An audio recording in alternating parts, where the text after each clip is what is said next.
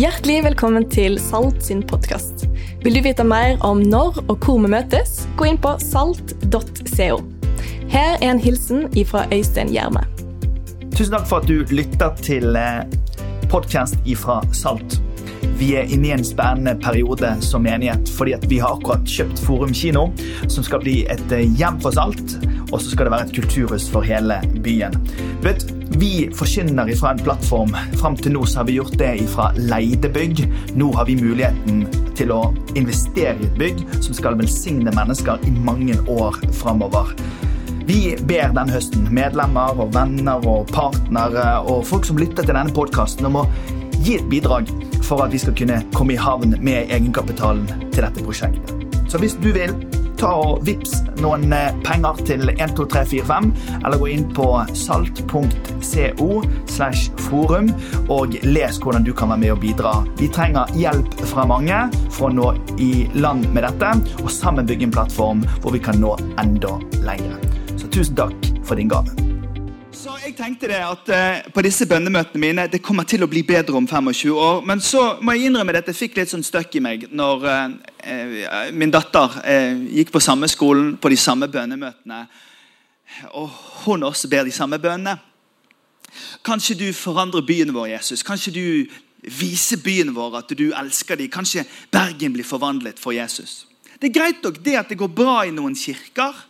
Men det må jo være større enn bare det som skjer inne i kirkene. Det må jo være stort nok for hele byen. kan jeg høre et lite. Og Derfor dere, så er det vi har denne serien, for å for se om vi klarer å utfordre oss sjøl rundt det at det vi holder på med i den kristne kirken, det må være stort nok for hele byen. Mitt perspektiv er jo fra en nå ganske voksen type med tenåringsbarn som kommer inn her på kirken etter hvert. Men, men, men, men, det er ikke alle som ser det sånn som jeg ser det. La oss bare prøve noen andre linser også. Når jeg snakker med unge mennesker i Bergen i dag som ikke har så mye forhold til kristen menighet, så er det slik dere, at mange av de er åpent nysgjerrige omkring kristen tro. Vi har jo besøk av de ofte. så har vi besøk fra skoleklasser som kommer her for å spørre oss om hva vi tror. og sånn.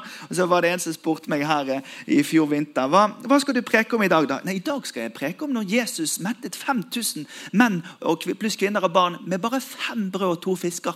Så så han på meg. Det går jo ikke an. Det er derfor du må komme til kirken før. Altså, jeg, jeg, jeg møter en, en, større åpenhet og en mindre, mindre skepsis enn det jeg møtte sjøl når jeg var ungdom her. Og Det kan godt være at Gud står bakom det der, og, og at det åpner seg opp en gang. At folk til slutt er såpass langt vekke fra dette at de er klar for å bli funnet igjen. I don't know. Når jeg snakker med folk som er over 70 år i Norge, som ikke tror, eller som har valgt å ha en armlengdes avstand fra kristen kirke i hele sitt liv, så er dessverre ofte fortellingen deres at jeg orket ikke å høre at jeg ikke var god nok. Jeg følte ikke at jeg nådde opp. Jeg følte at jeg ble fordømt. Jeg klarte ikke å leve opp til alle standarden, så jeg klarer meg fint sjøl. Altså, de har et, en fortelling om sitt forhold til den kristne kirken, men nødvendigvis ikke et, en god fortelling om det. Jeg sier dette fordi vi må forstå at unge folk kan ha ett syn, men eldre folk kan ha et annet syn.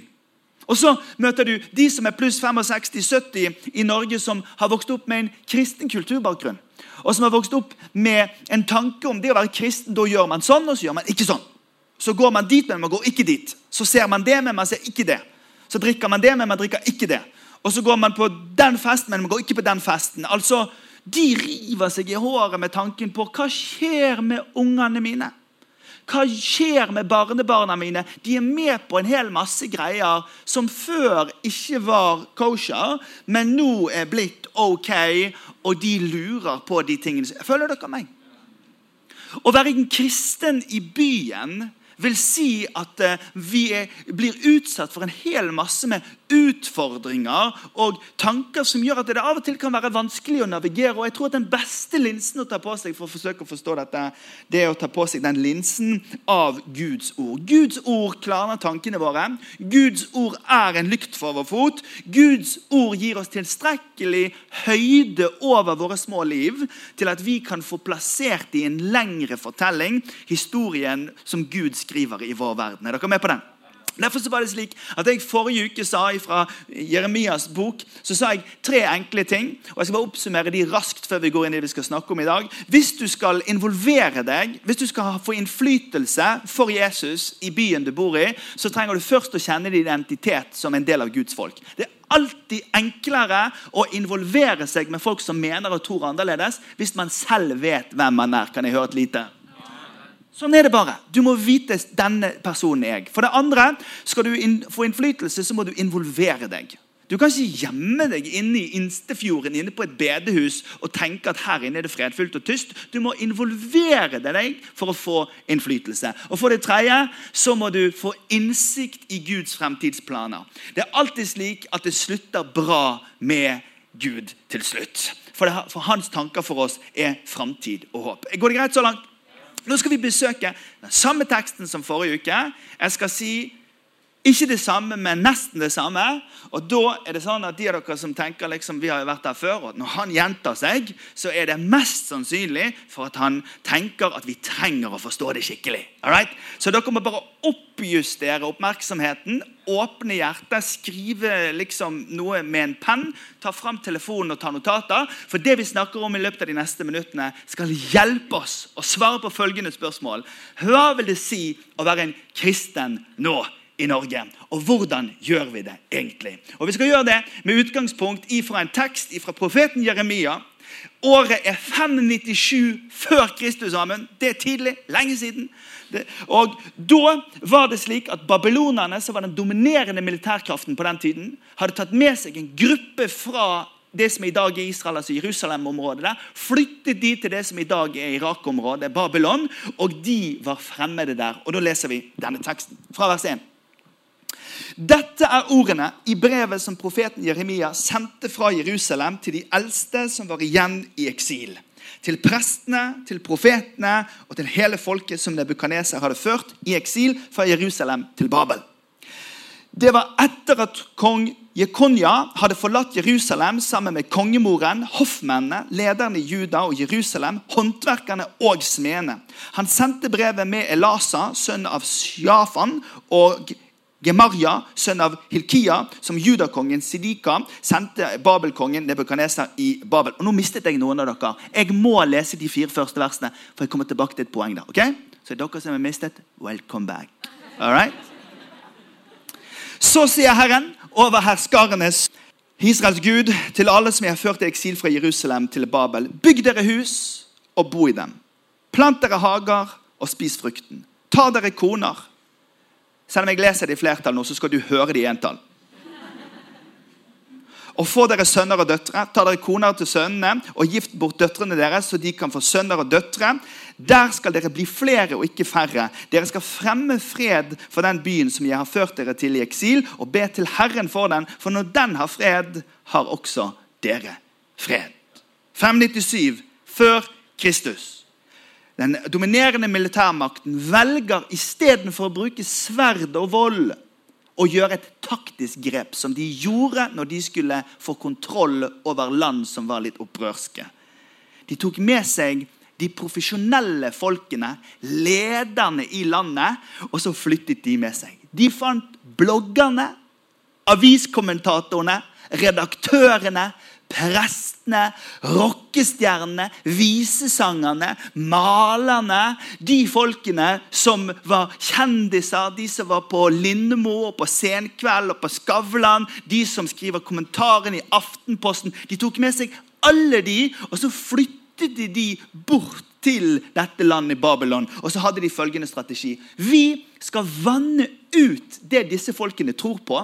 Vi skal flytte vekk deres språk. Vi skal sørge for at de assimileres, altså utvannes over tid, så at de bare blir borte. Og vi kan ta over deres land. Og dette visste israelsfolket. De visste at strategien var at de skulle utvannes. Så Derfor så ble de ikke med inn helt til byen. De slo opp en camp utenfor byen, og så var det en falsk profet som i kapittel 28 han sa disse ordene her. Han sa om to år skal vi reise hjem. Vi blir her utenfor. Og så sa Jeremia, glem det. Vi skal ikke være utenfor. Vi skal være her i 70 år. Vi skal inn i denne byen. og vi skal bo her. Vi skal ikke bare inn i denne byen og bo her. Vi skal med ryggen rett være annerledes i denne byen på en skikkelig og respektfull måte. Men de skal merke at vi er her på en skikkelig måte. Og for det tredje så skal de merke det at vi vil de godt. Vi skal be for dem, og vi skal fremme fred for denne byen. Og det her må ha vært så spesielt for dem å høre. Fordi de var jo opplært til at de hadde rett. Men plutselig så skulle de være på en bortebane og oppleve at Gud ville gjøre noe med de gjennom det. Nå er det Norge. Det er 2018. Vi kan ta på oss linsen av der vi er i dag og tenke hva er det egentlig det betyr. Ni av ti kristne studenter i Norge sier vi tør ikke å snakke så høyt om at vi er troende. Vi trenger å oppjustere vår frimodighet. Og For å finne fram i det terrenget så trenger vi dette kartet. Og Det første vi skal snakke om, det er flytt inn og bo i byen.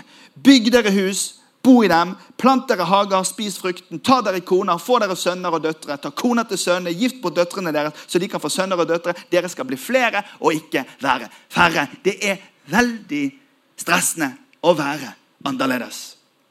Kulturer er veldig ulike, og det er veldig stressende å besøke en annen kultur. En dame som heter Nancy Adler, har skrevet en bok hvor hun har undersøkt om høyt utdanna, høyt motiverte bistandsarbeidere som reiser til en annen kultur. Og Dette er det hun sier om deres erfaringer. I den nye kulturen møter man uforutsigbare situasjoner som man ikke helt vet hvordan man skal forholde seg til. Og det oppleves veldig stressende. Man blir bombardert med synsinntrykk, lyder, lukter, smaker og vet ikke hvilke som er viktige og meningsfulle, og hvilke man skal overse. Kulturfilteret er utviklet i den opprinnelige kulturen. Så mye av det man har tidligere lært, er ikke gangbar mynt lenger i den nye situasjonen. Man opplever at man ikke forstår andres oppførsel, mens ens egen oppførsel ikke gir de ønskede, forventede resultatene. Det oppleves så frustrerende.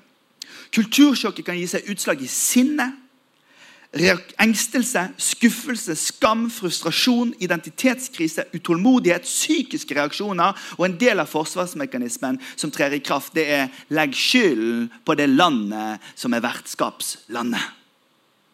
Det er klart at Jeremia, som sender et brev til noen som er fremmede, han vet det at når han ber de involvere seg, så øker han et vanvittig stress på dem. For han sier 'vær til stede, men vær annerledes'. Men vet du, det er så mange som hadde lyst til å bare bli boende ute i, utenfor byen i en camp og gjemme seg bort. Og vet du, sånn er noen kristne nå for tida også. Det er mye enklere å gjemme seg inne i menighetslokalet og holde seg der med sine egne og ha en lukket lukket sånn Facebook-gruppe med en egen sånn Instagram-kultur som gjør at der inne heier vi på hverandre. Men Jesus har, har, har, bedt oss om å leve ganske annerledes. Og Jeremia han peker dette mandatet i retningen av at dere skal få lov til å involvere dere, men dere må deale med det faktum at dere er fremmede. Tre vers fikk dere forrige uke. Dere skal få to til i dag, for sikkert flere neste uke. Men i Jakobs brev står det i vers 1. Jeg sender en hilsen til de tolv stammer som er spredt omkring i fremmede land. Altså Jakob sender et brev, og så vet han de som tror på Jesus, de er i kulturer som er helt annerledes enn den hjemmekulturen som vi har her.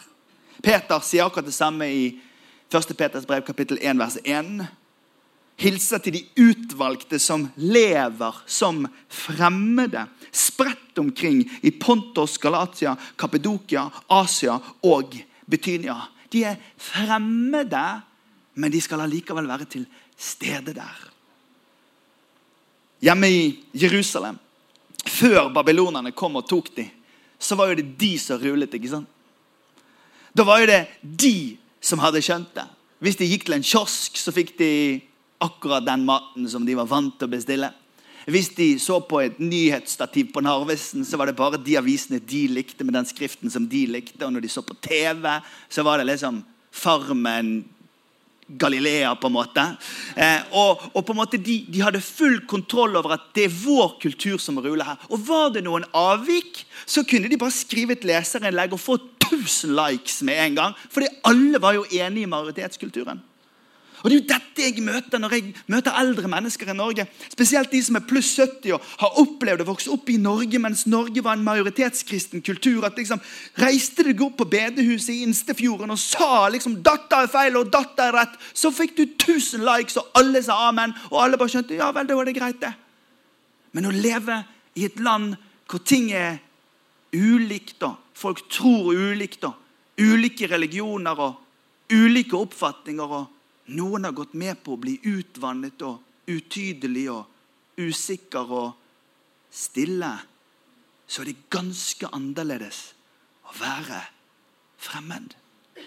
Og Det er derfor jeg legger vekt på disse versene for dere i dag. Jeg legger vekt på dem fordi jeg vil at vi så gjerne skal øke kompetansen vår rundt det at det har alltid vært sånn.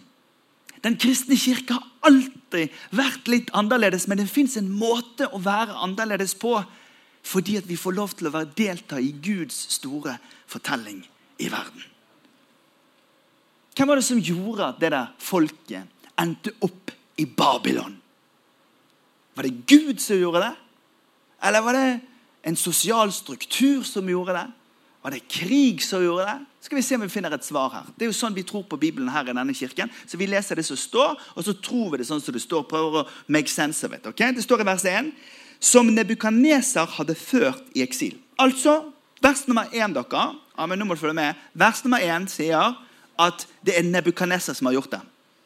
Og All den tid du er en bibelskolestudent, så får du store problemer to vers nedenfor i vers 4, tre vers nedenfor, for der står det motsatt. Der står det så sier Herren over herskaren i Israels Gud til alle som jeg har ført i eksil fra Jerusalem til Babel. Så det du ser det er at Først får du en naturlig, praktisk forklaring. Og rett etterpå så får du en åndelig belysning av det som har skjedd, fra en litt annen vinkel. Og Dette er ikke ukjent for de av oss som leser litt i denne boken. Det at det, det er alltid en forklaring av det som er helt påtakelig og praktisk. Men så kan det finnes et innspill fra sidelinja som viser at Gud har kontroll, altså, over alt det som skjer Asa. Og sånn har det alltid vært. Så sier Herren, når 70 år har gått for Babel, skal jeg se til dere. Da skal jeg oppfylle mine gode løfter for dere og føre dere tilbake til dette stedet. For jeg vet hvilke tanker jeg har for dere, sier Herren. Fredstanker og ikke ulykkestanker. Jeg vil gi dere framtid og håp. Gud hadde en hensikt med at de skulle være der. Blant de som ikke trodde sånn som de trodde. Blant de som hadde andre skikker enn det de hadde. Blant de som gjorde ting som de hadde lært at var helt feil å gjøre. Så de burde ikke være med på det. I den gnisningen som oppstår mellom å være en som tror i en kultur hvor man ikke tror, der gjør Gud noe med oss enkeltmenneskene som får fram noe helt spesielt. Det helt spesielle som han henter fram det er likheten til sønnen hans. Han hadde det bra hjemme, han. Han var der oppe. Alt var helt nice. Og så blir han sendt hit som en fremmed. Det står i Johannes kapittel 1 at han flyttet inn i nabolaget, vårt nabolag. og Så gikk han på vår brostein, og så traff han hun som var outcast, hun som var utafor. Og så tok han tak i hun og tok henne inn. Så traff han de spedalske som ingen ville ta på, og så tok han på de, og så ble de friske. Så gikk han på besøk hos den rike mannen og så tok han med inn i stuen hans et perspektiv om det å være rik, som gjorde at han sprang ut på gaten og fordelte, så at også de fattige skulle få nyte godt av det. Jesus kom som fremmed for å trakke opp et spor for å vise oss at det å være fremmed er ikke farlig. Men vi må være det med en fullstendig overgivelse til å være annerledes der. Fordi at i den annerledesheten så kommer himmelen her. Å være annerledes er ikke farlig. Det er en velsignelse, men vi må være det på en skikkelig måte. Vet, Norge er jo et luthersk land. Og Det at vi er et luthersk land, er viktig for oss å ha med oss når vi skal forstå Norge i dag. Når vi skal ta på linsen vår for å forstå Norge. Og Noe av det som den lutherske kristne troen har gjort sånn i djupet av folket, er å løfte oss alle opp til en verdighet som gjør at vi kan bestemme sjøl om vi vil ha en sjef som skal fortelle oss ting, eller hvordan forhold vi har til Jesus selv. Den verdigheten er en fin ting i norsk og nordisk kristendomsforståelse. Fordi at den løfter oss alle sammen til at vi kan tenke sjøl, føle sjøl og tro sjøl. Det blir veldig problematisk i Norge når Den kristne kirke ikke opptrer med respekt overfor andre folk sin tro. Det er derfor vi i vår kirke aldri bruker nedsettende ord som hedning og ufrelst og sånne ting om mennesker som ikke tror. Vi kaller alle mennesker for våre venner. Og Vi bruker konsekvent begrepet folk som ikke tror så mye, fordi at det å ikke tro så mye, det er også en tro. Og det å ikke tro, det er også en tro, fordi at vi alle sammen driver og finner ut av dette livet. Så Jeremia sier til dem dere skal være i Babylon, men pass på at Babylon ikke flytter inn i dere. Pass på at når dere er i Babylon, så skal dere være respektfullt annerledes. Jeg vet ikke om det fins noen bedre bilde på det å være annerledes enn dette bildet av å være en ambassadør. Jeg har en fetter som er ambassadør til Israel nå. Han var sånn konsulat nede i Ukraina før. Han er, den, han er en av de smarteste i slekten vår. Jeg kunne aldri blitt sånn, men det er jo en supergøy jobb. Jeg har egentlig ønsket det. Liksom, det kunne jeg tenkt meg. Akkurat det kunne jeg tenke meg å jobbe med. Serious. For jeg er jo bare en vanlig type som er litt introvert og litt sjenert til tider. Det tror ikke dere på, for dere ser meg her. Men jeg er det. Egentlig så liker jeg å sitte hjemme i et hjørne helt for meg selv. Men hvis jeg kunne vært, jeg kunne vært ambassadør f.eks. til Kina og så kunne jeg da gått ut fra hjørnet mitt ut på Den røde plass. Er det en rød plass der? Himmelske fredsplass. Det er det den heter der. Nå må jeg få alt riktig på geografien. Jeg ser på de yngste her. De som hadde samfunnsfag sist. Eh, eh, så, så, går jeg ut der og sier jeg, uh, I represent Norway. og så kunne jeg stått der og representert fjorder og fjell og Mette-Marit og Fordi det er det ambassadører gjør. Ambassadører representerer noe annet til seg sjøl på den plassen de er. Slipper, en ambassadør slipper å liksom ja, 'Veldig bra frimerkesamling hjemme.' og, veldig, veldig, og alle. Det er det lille livet. Men når du er ambassadør, så sier du jeg er her fordi jeg representerer alt dette.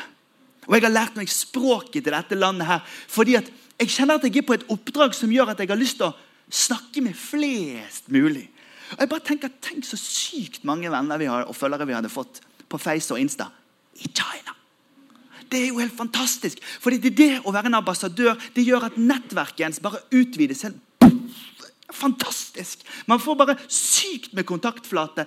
Fordi at jeg ikke er her bare what's in it for me. Men jeg er in the city for you. Og Det er det som skjer når man er en ambassadør. Man lærer seg et språk, man øker kontaktflaten, man vet hvor man kommer fra. Og så vet man at vet du hva, selv om jeg er her som en fremmed, så er identiteten min den er, den er hjemmefra. Så hadde jeg sittet hjemme der, rett på en sånn leilighet oppe fra Den himmelske freds plass og spist Kvikk Lunsj. Og sett på Norge, NSB minutt for minutt. Jeg vet ikke hva de heter, de der. Eh, det står i hvert fall i Kolossebrevet 2,6-7. Dere har tatt imot Kristus, Jesus, som Herre. Se på dette, da. Lev da i ham. Vær rotfestet i ham, bygd på ham. Hold fast ved den tro dere er opplært i, med overstrømmende takk til Gud. Jeg har vært pastor i denne byen i 20 år nå. Jeg har sett altfor mange som glippet på å være rotfestet i ham. Fordi det å være en kristen, det å være i fremmed det handler om at du må forankre deg sjøl i hvem du er og hvor du kommer fra. For at ikke du skal bli kokt i den kulturen du er en del av. For babylonerne de ønsket å bare ta tankene og troen og sangen og referansene og kunsten og historiene vekk, så at det ble borte. Derfor så er det viktig at vi blir rotfestet, så at vi lever i ham og står stødig i ham.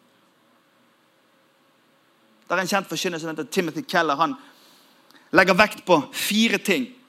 På tre ting, og jeg har lagt til en, en tredje her. Det er ikke originalt hans. fordi at greien er den at Når vi oppsummerer hva krigen står om i den vestlige verden, så står han som oftest om sex, kommunikasjon og penger. Så legger du på makt der, og så har du fire ting. Og her retter jeg meg opp i ryggen og så sier jeg dette til dere. Det å være en kristen i byen handler ikke først og fremst om å imitere Jesu moral.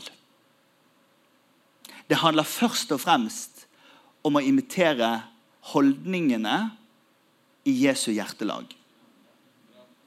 Skal jeg si det en gang til?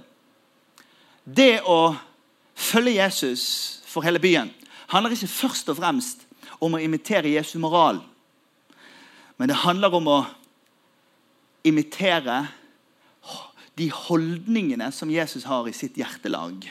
Når Jesus snakket med folk, kommunikasjon, når Jesus snakket med folk, så sørget han for å løfte den andre i sine samtaler med dem. Han begynte ikke med sin fortelling for å ha rett. Han begynte med å forsøke å forstå den andre, så at han kunne treffe rett. Derfor står det i Kolosserbrevet kapittel 4, vers 6. La alt dere sier, være vennlig, og la det være fullt av salt og kraft. Jeg tror at det å være en kristen for hele byen, det handler om å legge av det harde språket som mange som tror at nå skal vi bare rette alt med å kjefte, holder på med. For det nytter ikke i vår kultur. venner. Jeg har truffet altfor mange godt voksne folk i Norge som har en avstand fra kristen tro fordi de har opplevd for mange harde ord. Jesus hadde tydelige ord, men han hadde også varme ord som nådde gjennom med kjærlighet. Nummer én, dere, Vær en kristen i byen, jobb med kommunikasjonsferdighetene dine. Når folk legger ut en piggtrådgjerde av baktalelse, så klipper du det over og sørger for at det ikke skjer igjen. Når folk blokker noen på Snapchat, så adder du dem på Facebook. Når noen hauser opp en konflikt på jobben, så sørger du for å ta noen ut på en kopp kaffe for å snakke om det. Serious. Kristen i byen har en god kommunikasjon med andre. For det andre i vårt forhold til makt. Makt får du gjennom posisjoner, penger og kred. Men i Guds rike er ikke det sånn makt fordeles. Makt fordeles gjennom tjenerskap. Det å ha evnen til å være stor nok til å løfte et annet menneske og gi et annet menneske verdighet og kjærlighet. Jeg tror at Det å forstå Guds rikes forhold til makt det er helt noe annet enn oppbyggingen av trøkk og styrke. Derfor er det viktig for meg å si når vi skal inn i det der bygget borte på Forum, og 104 millioner, så kan det være litt sånn uga buga, vi har klart det. Nei, nei, nei, nei, nei. Vi har bare bygd en plattform for hele byen. Ikke en avgud som vi skal gjemme oss i. Makt dere handler om å sive ut og tjene.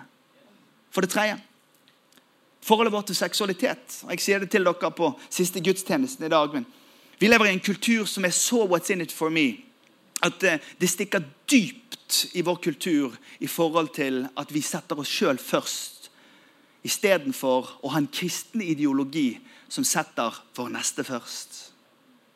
Seriøst.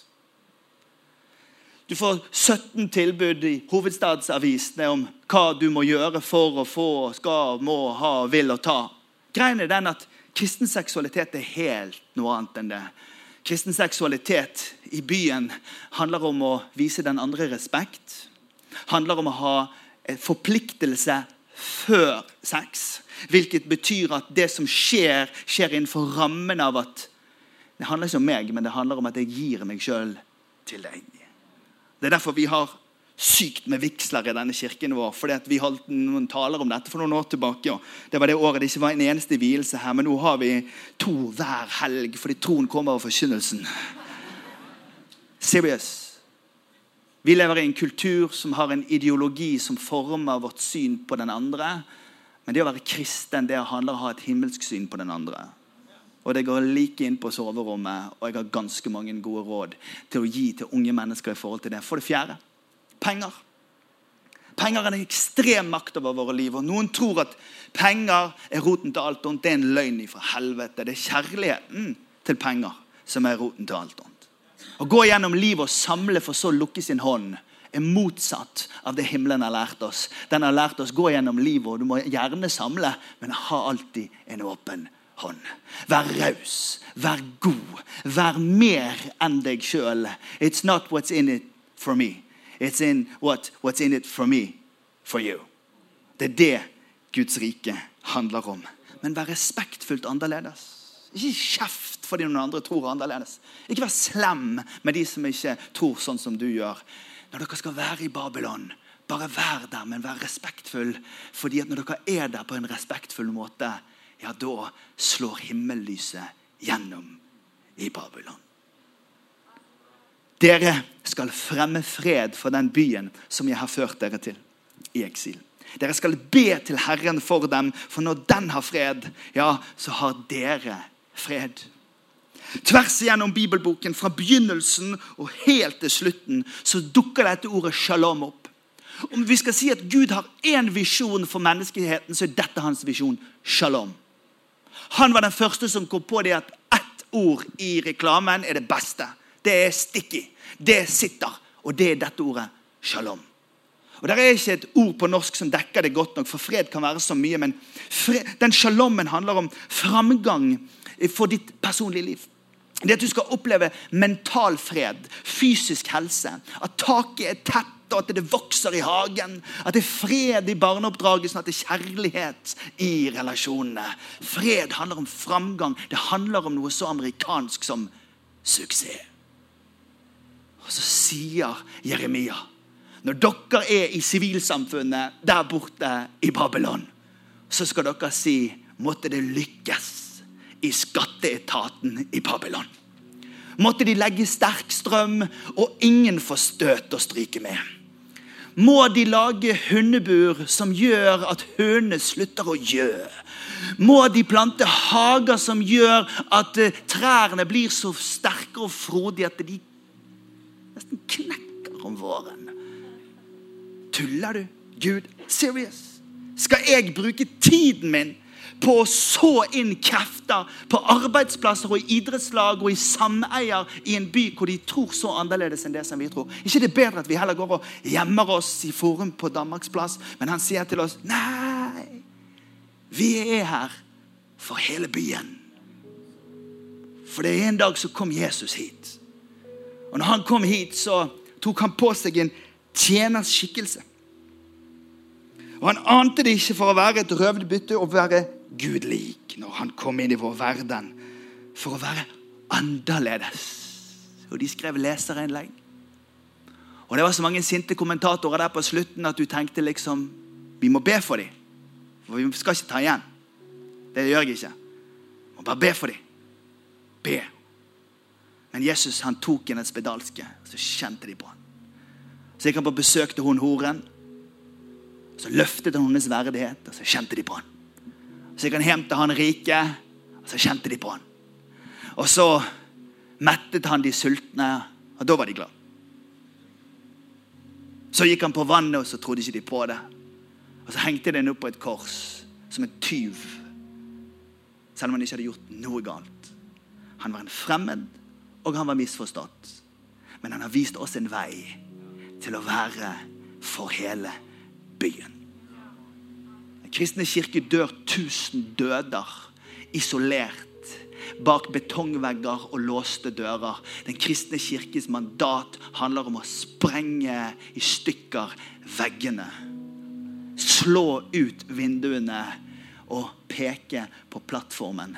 Som sender Ola og Kari til en hverdag full av mening og velsignelse. Hvor ikke vi bare arbeider for fred, men vi ber himmelen om å gi fred. Måtte det være slik at de som sitter bortenfor deg på pulten på Equinor i år 2022, sender en liten Post-It-lapp. Gud, hvor heldig jeg er så har en kristen venn her på jobben. For det er den smaken. Det var det Jesus sa når han sa disse ordene. Dere er verdens lys. En by som ligger på et fjell, kan ikke skjules. For hemmeligheten i dette, venner, i byen fins det en annen by. Og det er den byen som den kristne kirke i alle tider og i alle generasjoner, i alle himmelstrøk, har blitt gitt mandat til å være. Byen på et fjell skal lyse, være annerledes, og som skal påvirke, og som skal si det går bra til slutt. Skal vi reise oss opp? Så ber vi sammen. Hva heter roen her nå? Hellige Ånd, takk for at du er her i rommet. Takk for at du er sann og god, og at du taler til, til oss. Å, det kan være så rart å være kristen. Fordi at vi kan tro at det handler om å nå opp til en moralsk pakke. Sånn at vi får poeng. Men Herre, du har sendt oss inn i en verden hvor vi blir både skitten på føttene og på hendene. Men du har sagt at vi skal få lov til å være her. Og så har du sagt at du skal være her med oss. Hele veien. Herre Jesus, jeg ber for menigheten vår. Jeg ber også for alle andre som tror på deg i byen vår. Jeg ber Herre om at du øker vår kompetanse på å være her. Herre, lær oss å være i verden, men ikke av den. Herre, lær oss å være gode mot de folkene som ikke tror sånn som oss. Herre, lær oss å be. Lær oss å ønske godt for naboen og partneren på jobben. Herre, lær oss å være denne byen på fjellet. Som ikke skal briljere i denne verdens maktstatistikk. Men som skal bare få lov til å tjene verden gjennom at vi bare er her, sånn som du har kalt oss til å være. Herre, ta livene våre og led oss. La oss bare synge det sammen i noen minutter.